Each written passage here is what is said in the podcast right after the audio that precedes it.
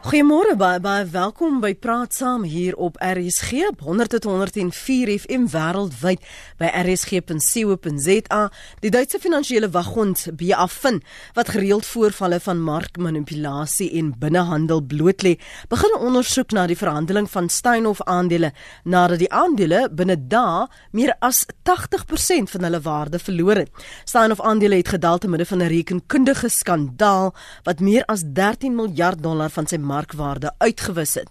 So vir oggend of praat saam, gesels ons oor geloofwaardigheid en verantwoordbaarheid van rekenmeesters, auditeurs, maatskappye en of jy dink Die bedryf het onaantastbaar geraak.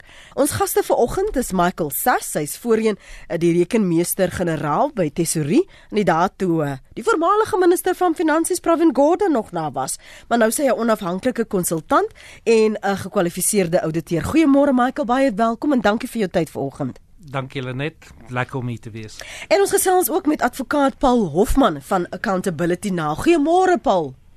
Goeiemôre Lenet, goeiemôre Michael en ook 'n baie goeiemôre aan die luisteraars wat laat lê. die luxe.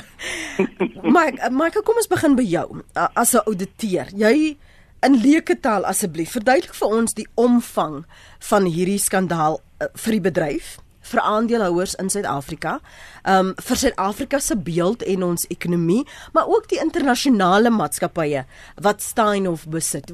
In leuke taal sodat ons kan verstaan hoekom is daar hierdie hoeha oor wat gebeur het. Dankie Lenet. Wel, mense kan klaar sien wat die wat die um uitwerking daarvan is. Ons het gesien hoe Steinhoff se aandele drasties gedaal het, jy weet, en heel wat welvaart uitgewis is. Ehm um, ek dink wat vir my meer bekommerd is is die die impak wat dit gaan hê op die industrie van rekenmeesters en ouditeure. Jy weet vir baie jare lank was die rekenmeester designasie in Suid-Afrika baie hoog aangeslaan in die wêreld. Hmm. En nou met hierdie onlangse skandale wat gebeur het, dink ek dit gaan 'n invloed hê um, en en veral op die vertroue wat mense plaas op finansiële state. So ek dink dis reg as mense sê daar is 'n krisis. Ek dink nie is 'n onoorkombare krisis nie, want ek dink die krisis lê meer by ehm um, reputasie en vertroue wat daar is in die industrie. Maar ek dink dis beslis iets wat na gekyk moet word en um, ons sal moet kyk hoe ons dit gaan regstel. Uh, daar is sekere aksies wat klaar geneem is, daar's sekere ander aksies wat nog geneem kan word, maar op die stadium dink ek dit is 'n probleem en die mense het reg is met reg bekommer daaroor.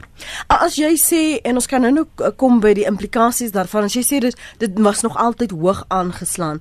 Is dit omdat dit so 'n moeilike kwalifikasie was of was dit maar net omdat so die een het die ander een se rug dopgehou. Die een het die ander een se hand gewas. En dis hoekom ons nooit geweet het van die sondes nie, want dit was so bedek. Nee, ek ek dink daarom nie so nie. Ek dink dit was omdat dit 'n moeilike kwalifikasie is om te verkry. Jy het ehm um, 5 jaar se studies en dan moet jy nog jou raadseksamen skryf en jy 3 jaar se praktiese ondervinding wat jy moet moet aflê. En dit is baie hoër as baie ander lande, jy weet, waar hulle ekwivalent van 'n GR ehm um, hoef nie so baie studies deur te gegaan het en so baie werk te gedoen het om daar uit te kom nie. So ek dink daar was redes hoekom dit hoog aangeslaan was. Dis natuurlik nie te sê dit moet vir altyd so bly nie. Ehm um, dit is 'n bietjie van 'n uh, old boys club. Dit dit is so, maar ek meen jy moet nog eers daar uitkom voordat uh, jy deel van die klub kan wees. Ehm um, en dan om daar uit te kom moet jy sekere prestasies behaal het soos om jy weet om jou eksamens te slag ensovoorts. So ek dink daar was met reg in die verlede vertroue gewees op die industrie. Ehm um, ek dink in die afgelope rukkie miskien het uh ehm um, die mense te groot bietjie geraak vir hulle skoene. Hulle het begin dink hulle is onaantastbaar in die sin dat hulle nie die standaarde wat ons vir onsself stel altyd nagekom het nie. Ehm um, en een van die dinge byvoorbeeld as jy kyk na KPMG, mm. dink ek hulle risiko op tyd het hulle bietjie in die steek gelaat. Hulle het toegelaat dat kliënte dat hulle kliënte aanvaar waarvan die risiko miskien te hoog was vir 'n ouditfirma om te aanvaar.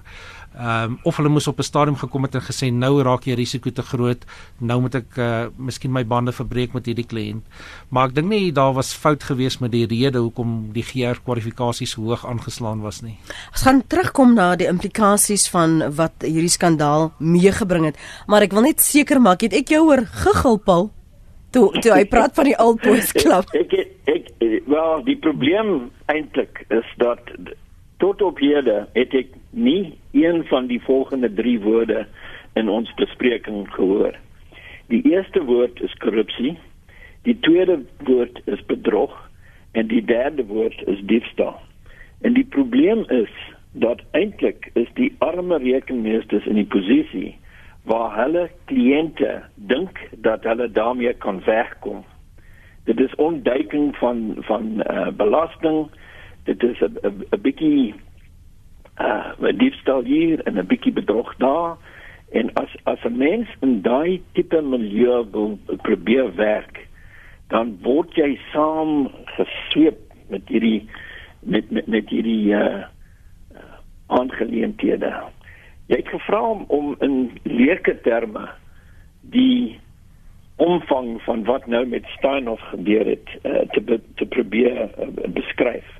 Nou vol, volgens uh, berigte is daar 12 biljoen rand verlore in die belegging van die uh, regering se werknemerspensioenfonds in Steinhoff.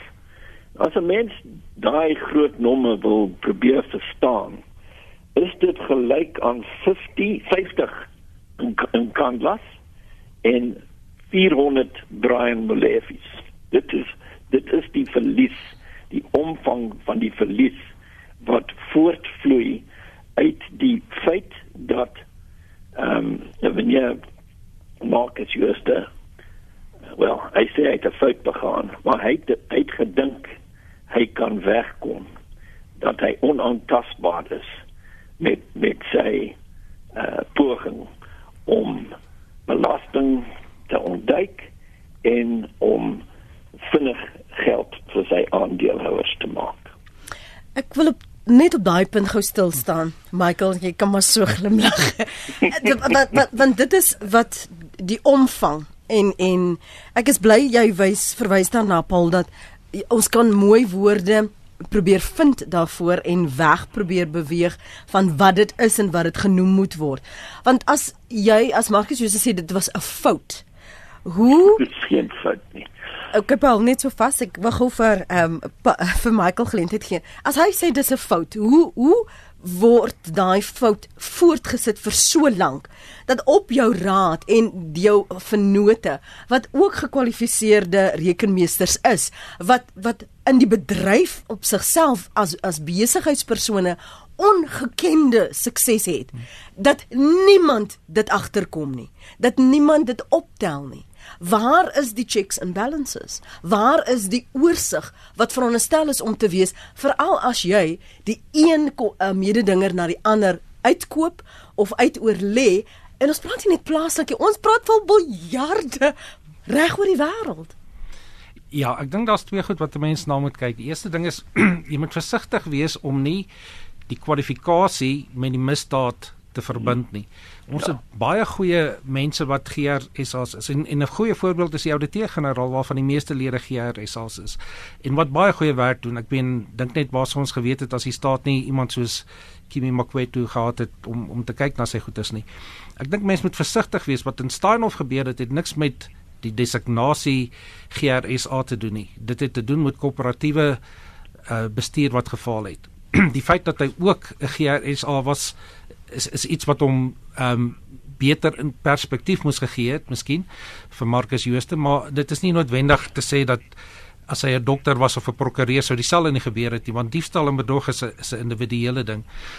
Ek dink die groot ding wat 'n mens moet onthou by 'n maatskappy, of jy nou 'n GRSA is en of jy nou enigiets anderste is, jy het 'n raad. Die raad moet gesamentlike besluite neem. Jou hoofuitvoerende beampte kan nie op sy eie net besluite neem nie. Dis tog hoekom die raad daar is.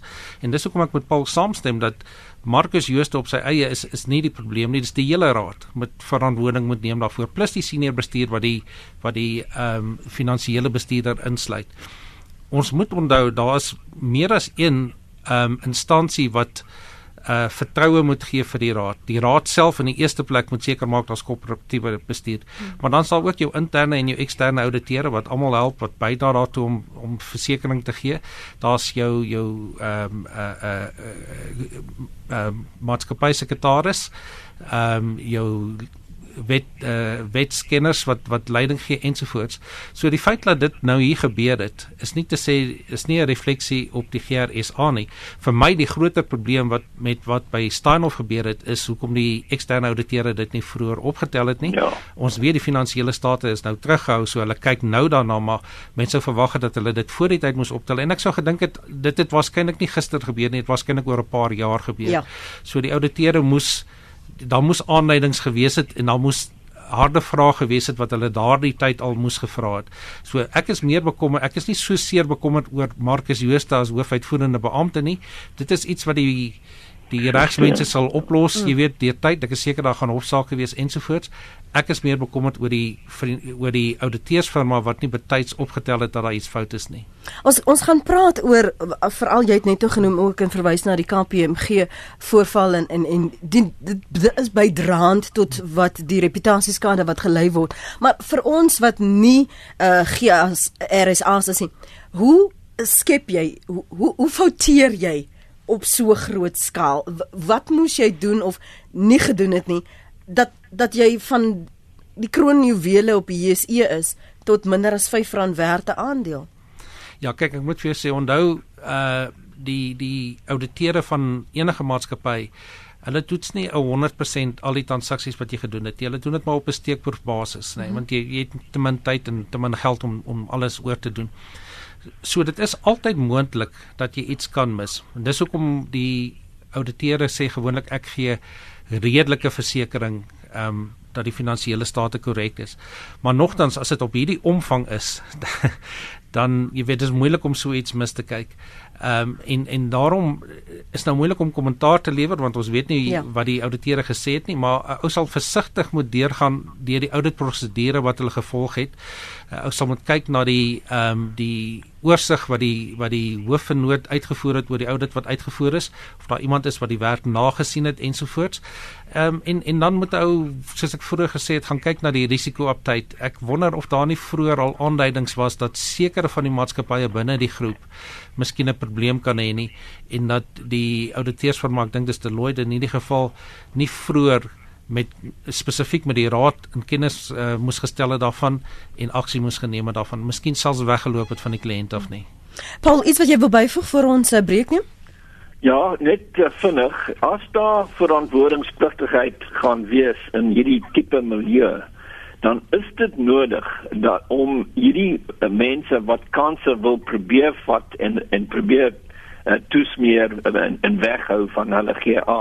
Uh, dan is dit nodig om masjinerie van die staat in plek te hê waar mense weet as hulle fouteer of verkeerd optree daar wel opgetree teen hulle. En op die oomblik sit ons in 'n situasie in Suid-Afrika waar die masjinerie van die staat die teenkorrupsie masjinerie van die staat werk nie. Vinnig net van jou kant uh, Michael na aanleiding van Paul se opmerking dat daar is nie uh, byvoorbeeld binne die regering stelsels in plek om selfs verantwoordbaarheid af te dwing nie of om om om korrupsie so van hierdie aard vroeg genoeg op te tel nie. Ehm um, kyk ek dink mense moet versigtig wees ehm um, om om die industrie oor te reguleer. Uh, ons het die onafhanklike reguleringsraad van ouditeure IRBA wat uh, wie se werk dit is om om die industrie te reguleer. En hulle doen dit. Ons weet hulle is besig met 'n ondersoek na KPMG ons weet SAICA is besig met 'n ondersoek daarna hmm. en na ander mense. Ek dink dit gaan meer daaroor om hulle by te gee dat hulle die um, die die magte wat hulle het op die stadium om aksie te neem is miskien bietjie te min. Ons moet hulle meer kragte gee om kriminele klagtes te kan gaan lê teen lede. Maar mense moet onthou die die GRSA dis dis net soos polisie. Jy kan nie sê omdat een polisieman bedrog gepleeg het dit nou is al die die hele polisie mag is uh is bedrieërs nie, jy weet. Ehm uh, onthou net as daar ondersoek ingestel gaan word na finansiële state, of dit nou die staat of iemand anderste is, hulle gaan waarskynlik 'n ander GR aanstel om die ondersoek te doen omdat dit hoogs gespesialiseer is. So ons moet dit net in perspektief plaas. Kom ons hoor gou wat het AP op die hart. Goeiemôre AP. Ah, uh, goeiemôre, dis AP stemmet van die moniteringsgroep. Ek ek wil eintlik praat oor verantwoordbaarheid, maar ja. voor ek daarby kom, baie dankie aan advokaat Hofman dat hy verduidelik het wat die omvang is as ons praat van miljoene en miljarde. Jy weet, 12,5 miljard of of biljoen wat die staatspensioenfonds nou dadelik verloor het. Klink nou sommer vir sommige mense na klein geld, maar ons praat van duisende miljoene. Nou wat pla is dat die die raad van die van die staatspensioenfonds in hulle verklaring kom hulle met die gewone verskoning. Ag, dit is maar 1,iets% van ons beleggings. So asof dit klein geld is, asof dit monopolie geld is waarvan waarvan ons praat. Die mense besef nie dat ons het onlangs 2014 4 miljard rand verloor ook klein geld gewees net 'n klein persentasie in African Bank. Daar word mil biljoene vir, vir, vir amper maandeliks verloor in staatsondersteunende organisasies nou wat betref verantwoordbaarheid ek is bly dat die kwessie van die ouditeur weer geopper word. Jy weet mense het 'n groot vertroue in auditeure. Maar dan gebeur dinge soos hierdie. Uh hoekom is daar nie aggeslaan op die rooi ligte nie? En as daar aggeslaan is deur Deloitte, ek mens wil nie graag name noem nie, maar dieselfde ouditeurfirma het ook African Bank hanteer. Uh hoekom is daar nie het hulle nie die rooi ligte gesien nie en as hulle dit gesien het, Hoekom het hulle nie betyds daarvan gepraat nie? Die volgende punt van verantwoordbaarheid gaan oor die batebestuurders. Die openbare beleggingskoöperasie belê die staatspensioenfonds se geld. Maar hulle doen hulle is maar net agente wat dit namens die raad vir trustees doen. Daar die raad vir trustees Hulle is die mense wat nou 'n persverklaring uitreik met die 1% storieetjie kom. Hoe verantwoordbaar is die batebestuurders en ook die opdraggewers met alwoorde die raad vir trustees? Hoe verantwoordbaar kan hulle gehou word vir die skade wat die pensioenfonds nou nou lê? Dankie baie baie dankie Lenet. Dankie Apie, waardeer dit. Kon ek gaan jou vra vir my aanhou dat ons eers nou daar dit deurtrap asseblief. Ja, ek dink ehm um, wat die uh eh, AP gesê het is is baie waar. Eerste plek as ek by die einde kan begin die batebestuurders. Hulle is baie verantwoordelik. Jy weet, hulle hulle moet net uitkyk ehm um, uh net vir die finansiële state nie. Hulle moet die die pers dophou en kyk wat se gerugte daar is ensovoorts. Dis baie belangrik om dit in ag te neem. Maar op die einde van die dag om terug te kom na die na die uh uh openbare beleggersmaatskappy. Ehm um, onthou dis juis waar die krisis met die GRSA designasie nou so belangrik raak. Enige belegger in 'n finansiële instelling of in 'n maatskappy maak staat op die auditverslag wat uitgereik word deur die onafhanklike ouditeur want hulle is veronderstel om onafhanklik te wees. Hulle het nie jy weet hulle is nie betrokke by die maatskappy self nie. En en jy is geregtig om daarop staat te maak want die ouens is tog onafhanklik. En daarom is die die rooi ligte, ehm um, soos AP gesê het, ehm um, wat nie opgetel is nie. Dit moet ondersoek word. Hoekom het die audit firma net nie vroeër opgesien of dalk het hulle? Dalk het hulle dit gerapporteer aan die aan die raad van ehm um, Steinhoff, ons weet nie, maar dit sal seker uitkom nou met die tyd. Ehm um, en daarom is ondersoeke wat mense soos eh uh, uh ehm um, Urbach en Saika doen baie belangrik want hulle is die mense wat ons as lede verantwoordelik hou en sal seker maak dat hierdie tipe ding eenmalig is en nie weer sal gebeur nie. Jou kommentaar in terme van verantwoordbaarheid en vertroue, Paul? Ja, dankie. Um, ek dink meneer Stemmet is reg om te sê dat die die uh, nalatigheid van die auditeure en die nalatigheid van die wat advies gee om uh, uh, mense te laat belê in 'n in 'n situasie soos wat Steinhoff nou uh, om bevind is wel iets wat uh, aanspreeklikheid kan baseer. Maar in in in in, in Steinhoff se geval lees ek nou in die koerant dat uh, Signia se se ehm voorsitter Magda Wierska het wel die finansiële state van Steinhoff nagegaan nadat hy die nis gebreek het en sy sê dat sy binne 'n halfuur agtergekom het dat daar iets fout is met die uh, manier waarop hierdie uh, besigheid bedryf is. So daar is altyd 'n probleem as daar 'n too big to fail situasie met 'n groot firma soos hierdie uh, op opduik in die in, in die werkswyse van die ouditeur wat kan net nie glo dat iets so verkeerd kan gaan met 'n uh, 'n groot kliënt en miskien nie die rooi liggies dophou aangesien die groot uh, kliënt baie vir vir die ouditeur uh, indring. Voor ons na ons uh, luisteraars te gaan en Connie wag vir ons en Johan help ons om te verstaan is die redenasie nie as jy um so Steinhof letterlik hierdie groter en gro eens groot maatskappye opgekoop het en uitgekoop het dat jy tog jou boeke moet mos voorlê om te sê kan jy die risiko vat? Uh, is daar geld vir dit? Ek meen dis die een na die ander na die een na die ander. Daar is eintlik nie kompetisie nie. So hoe hoe kom jy daarmee weg? Hoe oortuig jy um jou aandeelhouers en jou raad dat alles is goed hier so by ons? Hoe knoei jy daai boeke Ja nee, dit dis baie moeilik. Kyk, uh, daar's 'n ou gesegde wat sê as jy vir 'n ouditeur vra hoeveel is 1 + 1, dan sal hy vir jou sê, "Wel, wat wil jy hê met die antwoord wees?" Die rede daarvoor is omdat die bedryf is nie vas nie. Dis nie te sê dat jy moet iets op 'n sekere manier doen nie. Jy kan vir jouself dink, as jy byvoorbeeld kom ons vat 'n een eenvoudige voorbeeld wat mense miskien sal ken, waardevermindering. Ehm um, jy kan jou bate op 'n reguit lyn afskryf oor 10 jaar sien maar hierdie tafel waarby ons sit of jy kan 'n verminderde saldo afskryf ensovoorts. Jy kan selfs na 'n paar jaar kyk jy na die tafel en sê maar hy's nog hy's nog goed genoeg. Hy kan miskien nog 20 jaar hou. So ek gaan hom herevalueer. Jy weet so daar's nie altyd presiese antwoorde nie. Dit is baie keer skattings, ramings ensovoorts. So as jy regtig wil, as jy skelm is, is daar baie maniere wat jy kan wegkom in in rekeningkunde. Maar dis ook hoekom ons standaarde het. Ons het vaste standaarde wat wêreldwyd aanvaar word, wat wêreldwyd nagevolg word. Ons het vaste instansies wat kyk na hoe ons die werk doen. Ehm um, en en dis om seker te maak dat almal op dieselfde manier rapporteer sodat die ou wat die finansiële state gebruik tot dieselfde slotsom kan kom. Vir ons, kom ons hoor wat sê Connie, dankie vir jou geduld Connie môre. Môre net in jou paneel.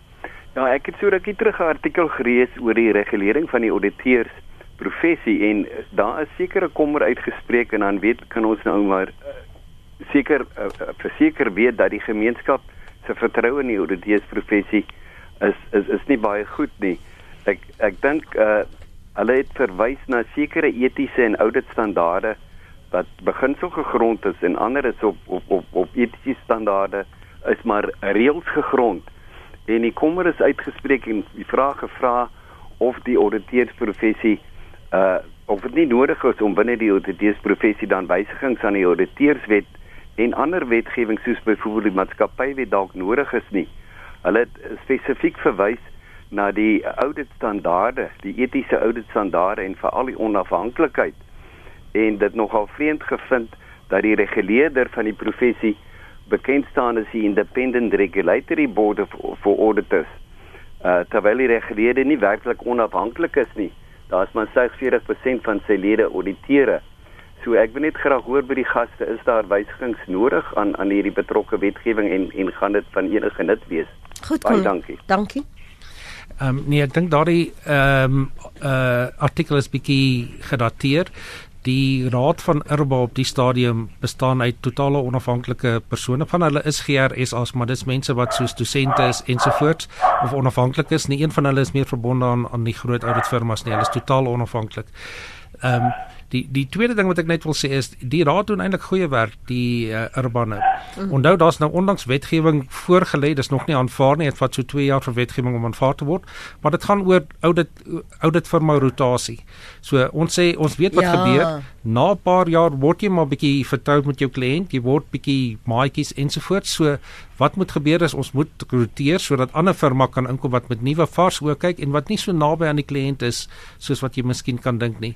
Ehm um, maar die die beginsels is is reg. Daar moet uh, meer magte gegee word vir die reguleerder sodat as hy dan nog steeds na al hierdie prosesse wat hy gevolg het nog steeds vind dat daar iets fout is, moet hy sterker aksie kan neem as net om 'n boete te gee of jou ehm um, designasie weg te vat of jou te skors vir 'n rukkie, jy weet.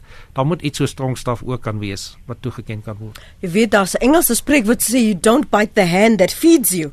So hoekom gaan jy vra vra as ek wil verseker ek het besigheid volgende jaar. Johan, dankie vir die vir die aanhou môre. Môre. Wil net sê ek het so in die 60er jare het ek geartikel by 'n baie bekende auditeursfirma. En toe gaan ek vir die eerste keer na die spesifieke audit toe wat wat wat dieselfde vernoot alle jare met 'n ander span gedoen het. En toe ontdek ek hierdie helse groot bedrogstorie. En ek bel hom en ek sê vir hom, "Meneer, hier is nou groot fout." En hy kom en ek sê vir hom, "Ons sal nou met 'n uh, vergadering hou met die direksie." Wie wat sê hy vir my? Hy sê vir my, "Man, ons kan dit nooit doen nie, want ons gaan hierdie audit verloor." en toe het ek 'n verslag geskryf en hom gesê met die verslag net teken. Maar agterna het ek na die mense toe teruggegaan en vir hulle gesê dit is wat verkeerd is. 'n Ander geval wat gebeur het is is is ek het geleer dat jy moet as jy 'n audit doen, dan moet jy kyk op watter manier kan jy jou kliënt adviseer om dalk dinge goedkoper te doen of so. En toe gebeur die dieselfde ding by 'n baie groot instansie wat vandag in Suid-Afrika een van die topinstansies is. Ons doen toe die verifikasie van die balansstaat. En op daai stadium met hulle oude ag het hulle verbande uit uitgegee. Nou ons het ander instansies se verbande ook gedoen, maar as dit dan die leer is so 3 maande is hy vloeiend en dan raak hy stil en dan ons gewoonlik die verband die die leer geseël. In hierdie geval het dit nie gebeur nie. So met die gevolg is ons moes elke jaar al hierdie duisende dokumente deurgaan. En ek vra toe vir die betrokke uh, persoon wat daar werk of hulle nie so 'n plek het waar jy kan vir weet raad gee of vir hulle hy sien nie hulle het ek sê toe vir hom ek sal vir jou verslaggie doen en dan uh, kan jy dit indien as as 'n voorstel waar die maatskappy kan uh, geld spaar. So 14 dae daarna toe toe toe ek op die rooi mat. Toe sê die betrokke vernoot vir my Hy verstaan nie wat ek gedoen het nie. Ek sê vir hom meneer, dit is dan nou ons moet dan nou ons ons moet van onafhanklik na die audit kyk en as daar plekke is waar ons dink ons kan ons kliënt geld spaar. En dit is dan nou wat ons hier doen, kan doen. Hy sê vir my, maar jy verstaan nie man. Ons verkoop tyd. So langer ons hier kan sit, hoe meer geld maak ons. Nou hierdie twee goed het het na my toe teruggekom. Ja. Na ek nou hierdie storie eers van KPMG en nou ook van Steinhoff gehoor het. En en en ek wil daarom net dit sê vir die bedryf. In in ons tyd behalwe nou vir hierdie twee gevalle, as jy werklik iets opgetel het en die vernoot is bereid om dit te rapporteer, uh, dan het die betrokke persone gewoonlik op die end in die tronk geëindig. Baie dankie. Hoor, mooi dag vir jou. Mooi dag vir jou ook, ja. Michael, reageer gerus. Nee, ek wil daarom net vir Johan sê, jy weet dit hierdie is presies waar ons probleem inkom in die industrie want ons almal as GRSA's het verantwoordelikheid. So ons kan nie net sê die firma moes iets gerapporteer het of die hoofvernoot moes iets gerapporteer het nie. As ek weet daar is fout, ons almal is opgelei, ons almal weet wat is ons pligte, ons verantwoordelikhede. As die hoofvernoot nie wil luister nie, dan is daar ander maniere om te rapporteer aan die verskillende instituie of rade waarna ons rapporteer. So ehm um, jy weet ek neem so klein bietjie uh aanstoot by wat Johan gesê het. Jy weet, mens kan nie net altyd die die skuld verplaas nie. Dit bly die audit firma se se skuld, se plig om dit te rapporteer ensovoorts. Maar as jy as 'n individu weet daar's iets fout, moet jy dit nog steeds gaan rapporteer. Maar uh, kom ek gee vir jou kans om te reageer Paul want um, hier's 'n paar sterk menings van ons luisteraars ook. Maar maar kom ons staan stil by vir 'n oomblik by die verhouding uh, wat wat moet bestaan tussen 'n ouditeursfirma en hulle kliënt. Ek het net nou verwys na hoekom gaan jy die hand byt wat jou voed?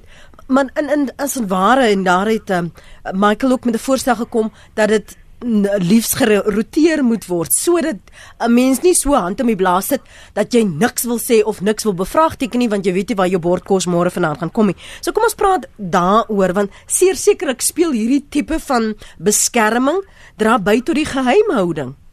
Ja, ek dink dit uh, as 'n mens uh, uit die uit, uit die staanspoor net aanvaar dat ouditeure professioneel moet optree en dat hulle integriteit verseker word deur die onafhanklikheid van hulle posisie. Hulle is nie die werknemer van die kliënt nie. Hulle is professionele adviseurs.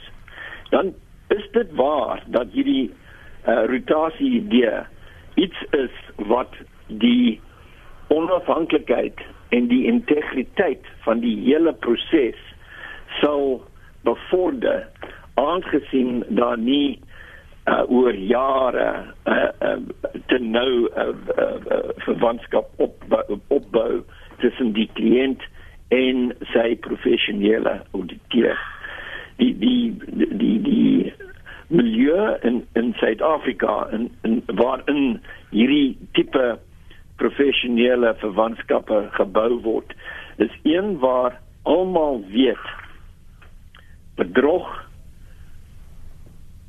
korrupsie diefstal in die kommersiële sektor word nie deur die staat behoorlik bekamp nie. Dit is dit is die beginpunt.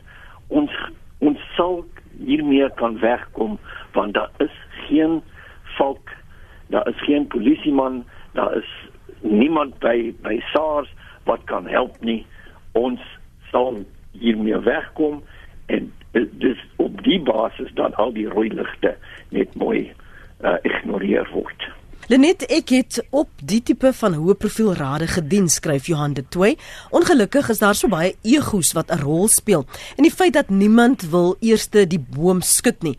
Ek het gesien dat die groot sake word net met 'n kopknik aanvaar tot daar sprake is van 'n boorgat op die perseel, dan het almal 'n bydrae om te maak. Ek glo nie die raad van Stein of die besigheid verstaan nie. Miskien net die koekies en die tee geniet.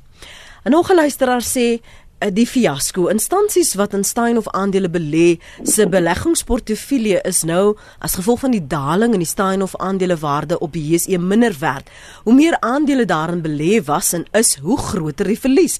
Die werklike kontantverlies vir instansies wat in Steinhoff aandele belê het, is eers wanneer sodanige instansies die aandele verkoop teen 'n laer prys as waarteen hulle dit oorspronklik aangekoop het.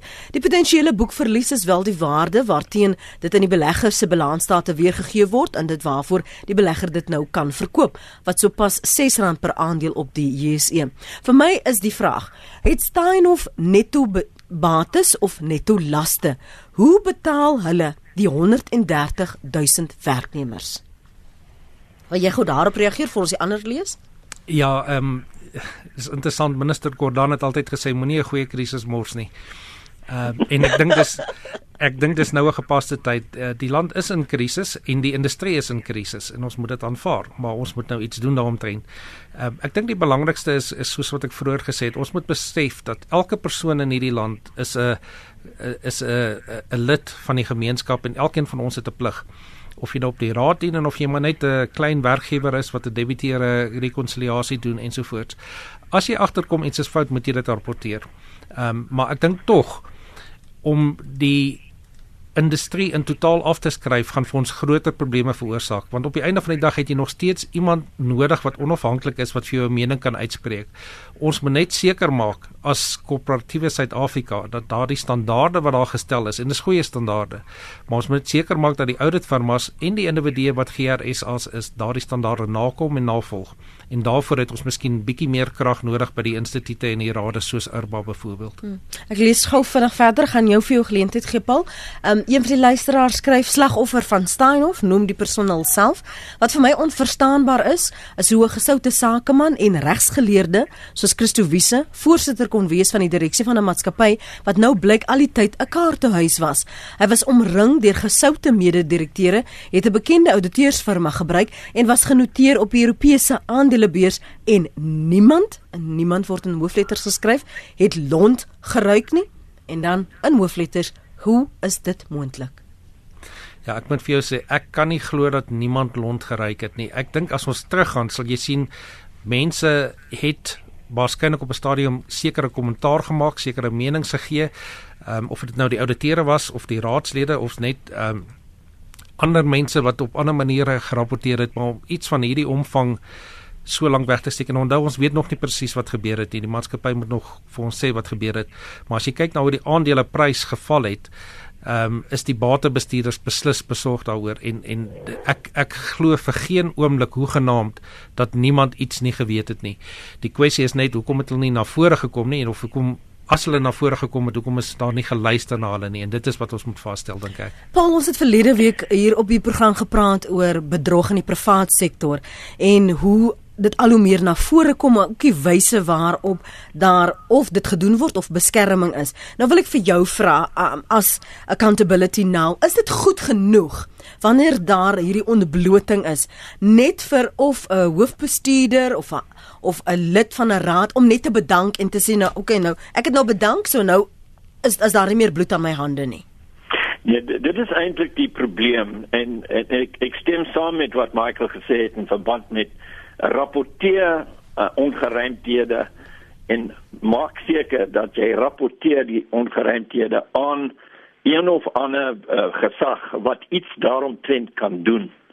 En dit is die probleem in Suid-Afrika op die oomblik. Ons is ons is op pad na Pisang Republiek status omdat daar 'n 'n kultuur van onaantastbaarheid opgebou het in die laaste 10 jaar of so.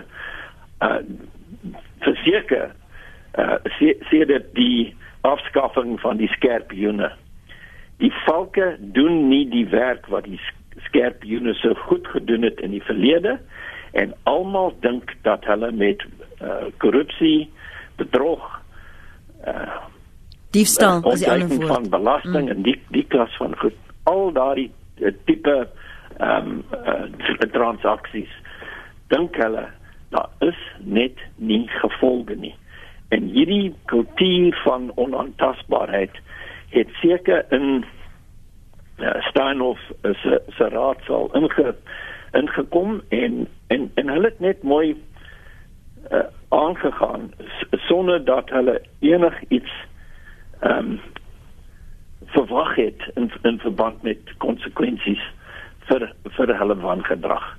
Ons het nie die die uh soort van ervaring die die soort van vaardighede wat die skerpioene gehad het in ons polisie in ons uh uh op op die oomblik en SARS ook is is daar net niemand om hierdie tipe uh, goed uh um te bekamp en as as as dit die die die posisie bly gaan ons nog verder verder van hierdie tipe instansies in die toekoms verwag. Wat nodig is is om die teenkorrupsie masjinerie van staat op 'n behoorlike basis te plaas. Um, en tot tyd en wyl dit gebeur gaan ons gewone mense lei daar daaronder. Hmm. Gaan nou nou afsluit met die gewone mense wat ly. Dankie vir jou geduld anoniem in Gauteng. Praat gerus. Goeiemôre Lenet en Michael en Paul. Ehm um, ek wil net graag ek bly anoniem want ek is 'n adviseur in die professie vir beide die rekenmeesters en die ouditeure en ek doen dit al vir 15 jaar. Ek wil net graag een of twee sistemiese goed aanspreek. Daar is die rekenmeestersprofessie en dan is daar die ouditeursprofessie en ek dink op hierdie oomblik word daar nie 'n onderskeid in die gesprek getref tussen die twee nie. Die GRSA of die CA wat by my in volksmond bekend staan, is naby aan so 40 50000 lede waar die op waar die geregistreerde ouditeure maar slegs omtrent 4000 in die land is. So minder as 10% van die professie kies om ouditeure te volg. Die probleem is daar's 'n pypleiding van bekwaamheid en skills en ek vra verskoning vir uit vir die taalvermenging. But this skill shortage in the whole supply chain up to the point where the auditors receive the financial statement.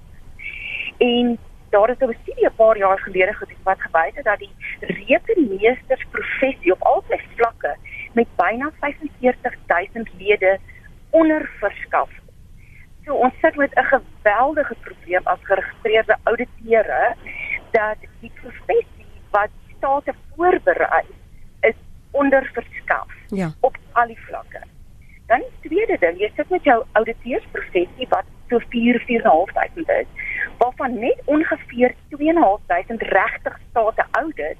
So ons hele ekonomie word geaudit deur 2.500 mense wat verantwoordelikheid vat. Dit op sy eie wyse hier raak 'n groot probleem in die ouditeursprofessie, die registered auditors as Mm. hulle noem. Die ouditeursprofessie groei maar met 5 persone per jaar netto. So ons ekonomie kan eenvoudig nie bedien word deur die hoeveelheid geregistreerde ouditeure. Skielik net dis een sistemiese probleem wat ek wil uitwys aan die ander een is ehm um, nou omgaan met punt, maar ek dink korrupsie, diefstal en bedrog lê in die hart van 'n persoon en nie in sy kwalifikasie nie. Hmm. Ehm maar daar 'n groot probleem kom ons met die supply chain of skills is is so. Die ander punt wat ek net wil maak, die finansiële verslagdoeningsstandaarde is geweldig kompleks. Ons noem dit International Financial Reporting Standards. Hmm. En daar is te veel spasie in daardie standaarde om management estimates toe te pas. Die ouditeure kan nie alles op die einde van die pipeline vang nie. Veral as daar opsetlike korrupsie, bedrog en diefstal is wat opsetlik toegesmeer word deur die mense wat die state voorberei. Mm. Jy moet asseblief net 'n onderskeid tref tussen die voorbereiders van die state en die direksie is verantwoordelik vir daardie tot op daai punt. 'n Stel state word oorhandig aan geregistreerde ouditeure wat 'n ander registrasie is. Hulle is almal TA, maar hulle is ook geregistreerde ouditeure en hulle is maar net 4000 in die land. Maar dit is omdat hulle ook so in die minderheid is wat dit ook so maklik 'n proses is om te kan manipuleer en dis hoekom dit Correct. dieselfde mense is wat jy die wat jaar na jaar of by die golfdag opdag of by die braaivleis of die trou troue en elke jaar die die verslag gaan doen. Korrek.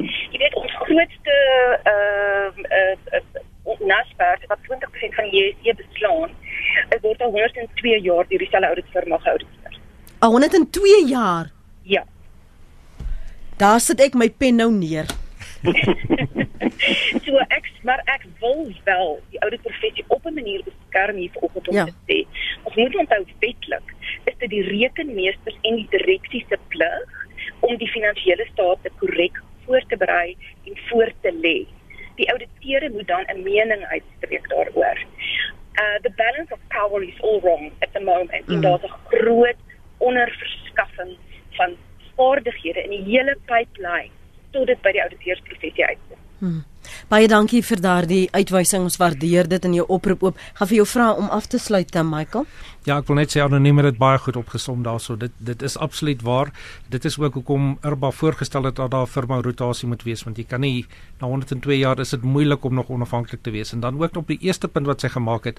Ons moet onthou daar's baie debiteure, klerke, rekonsiliasie, klerke ensovoorts. As jy 'n maatskappy besit, is dit jou verantwoordelikheid om seker te maak dat jou finansiële staf ook aan 'n professionele instituut behoort. En daar's baie van hulle wat nie net vir die GRSA ehm um, uh ehm uh, uh, plek maak nie, maar maar plek het vir ander ook. Want dan dan behoort hulle aan 'n internasionale uh, instituut wat beteken hulle het sekere etiese ehm um, reëls wat hulle moet nakom en hulle het ehm um, uh voortsettende opleiding wat hulle moet kry. So ek dink sy het dit baie goed opgestel daarso. Ek wil net 'n laaste punt maak om te sê ons moet versigtig wees om nie net SARS af te kraak nie. Onthou so 20, 25 jaar terug het hulle skielik begin optel en dit was 'n wêreldklas inst instituut gewees. En die rede daarvoor was juis omdat hulle be besluit geneem het om GRSA's aan te stel, hulle moet bietjie meer geld te betaal, maar omdat hulle dan die kundigheid het, kon hulle ook meer ingevorder het. So die laaste rukkie het ons bietjie afgegaan. Ons het gehoor daar's 'n groot uitname van mense by SARS, maar die beginsel bly nog steeds. Hulle het baie GRSA's wat vir hulle werk en dit beteken hulle doen 'n beter diens as wat hulle in die verlede gedoen het. Ek dink so 5000 binne 5 maande, so iets. Met 500. 500. O, 500, ja. nog nie 5000 nie. Dankie tog daarvoor. Ons het elke bietjie talent nodig wat ons kan kry. Baie baie dankie dat jy vanmôre ingekom het Michael Sass. Baie ook eh, dankie vir jou beskikbaarheid vanoggend advokaat Paul Hofman van Accountability Now. As jy weer na ons program wil luister asseblief maak 'n punt daarvan om die program af te laai op ons webblad rsg.co.za soek die potgooi vir vanoggend se gesprek. Michael Sass was voorheen die rekenmeester-generaal uh, by Tesorie en het vanoggend vanuit daai kapasiteit ook as 'n gekwalifiseerde ouditeur gesels uh, sodat ons kon sin maak van wat hier aan gebeur is en hoe dit vir ons raak. En dit is 'n gesprek wat nie hier gaan ophou nie. Ons gaan nog die die gevolge nog lank voel, nog lank sien in ons status as 'n land, maar ook vir die bedryf. So baie dankie ook vir jou insette vanoggend en jammer as ek nie joune kon weerspieël deur dit vanoggend te lees nie.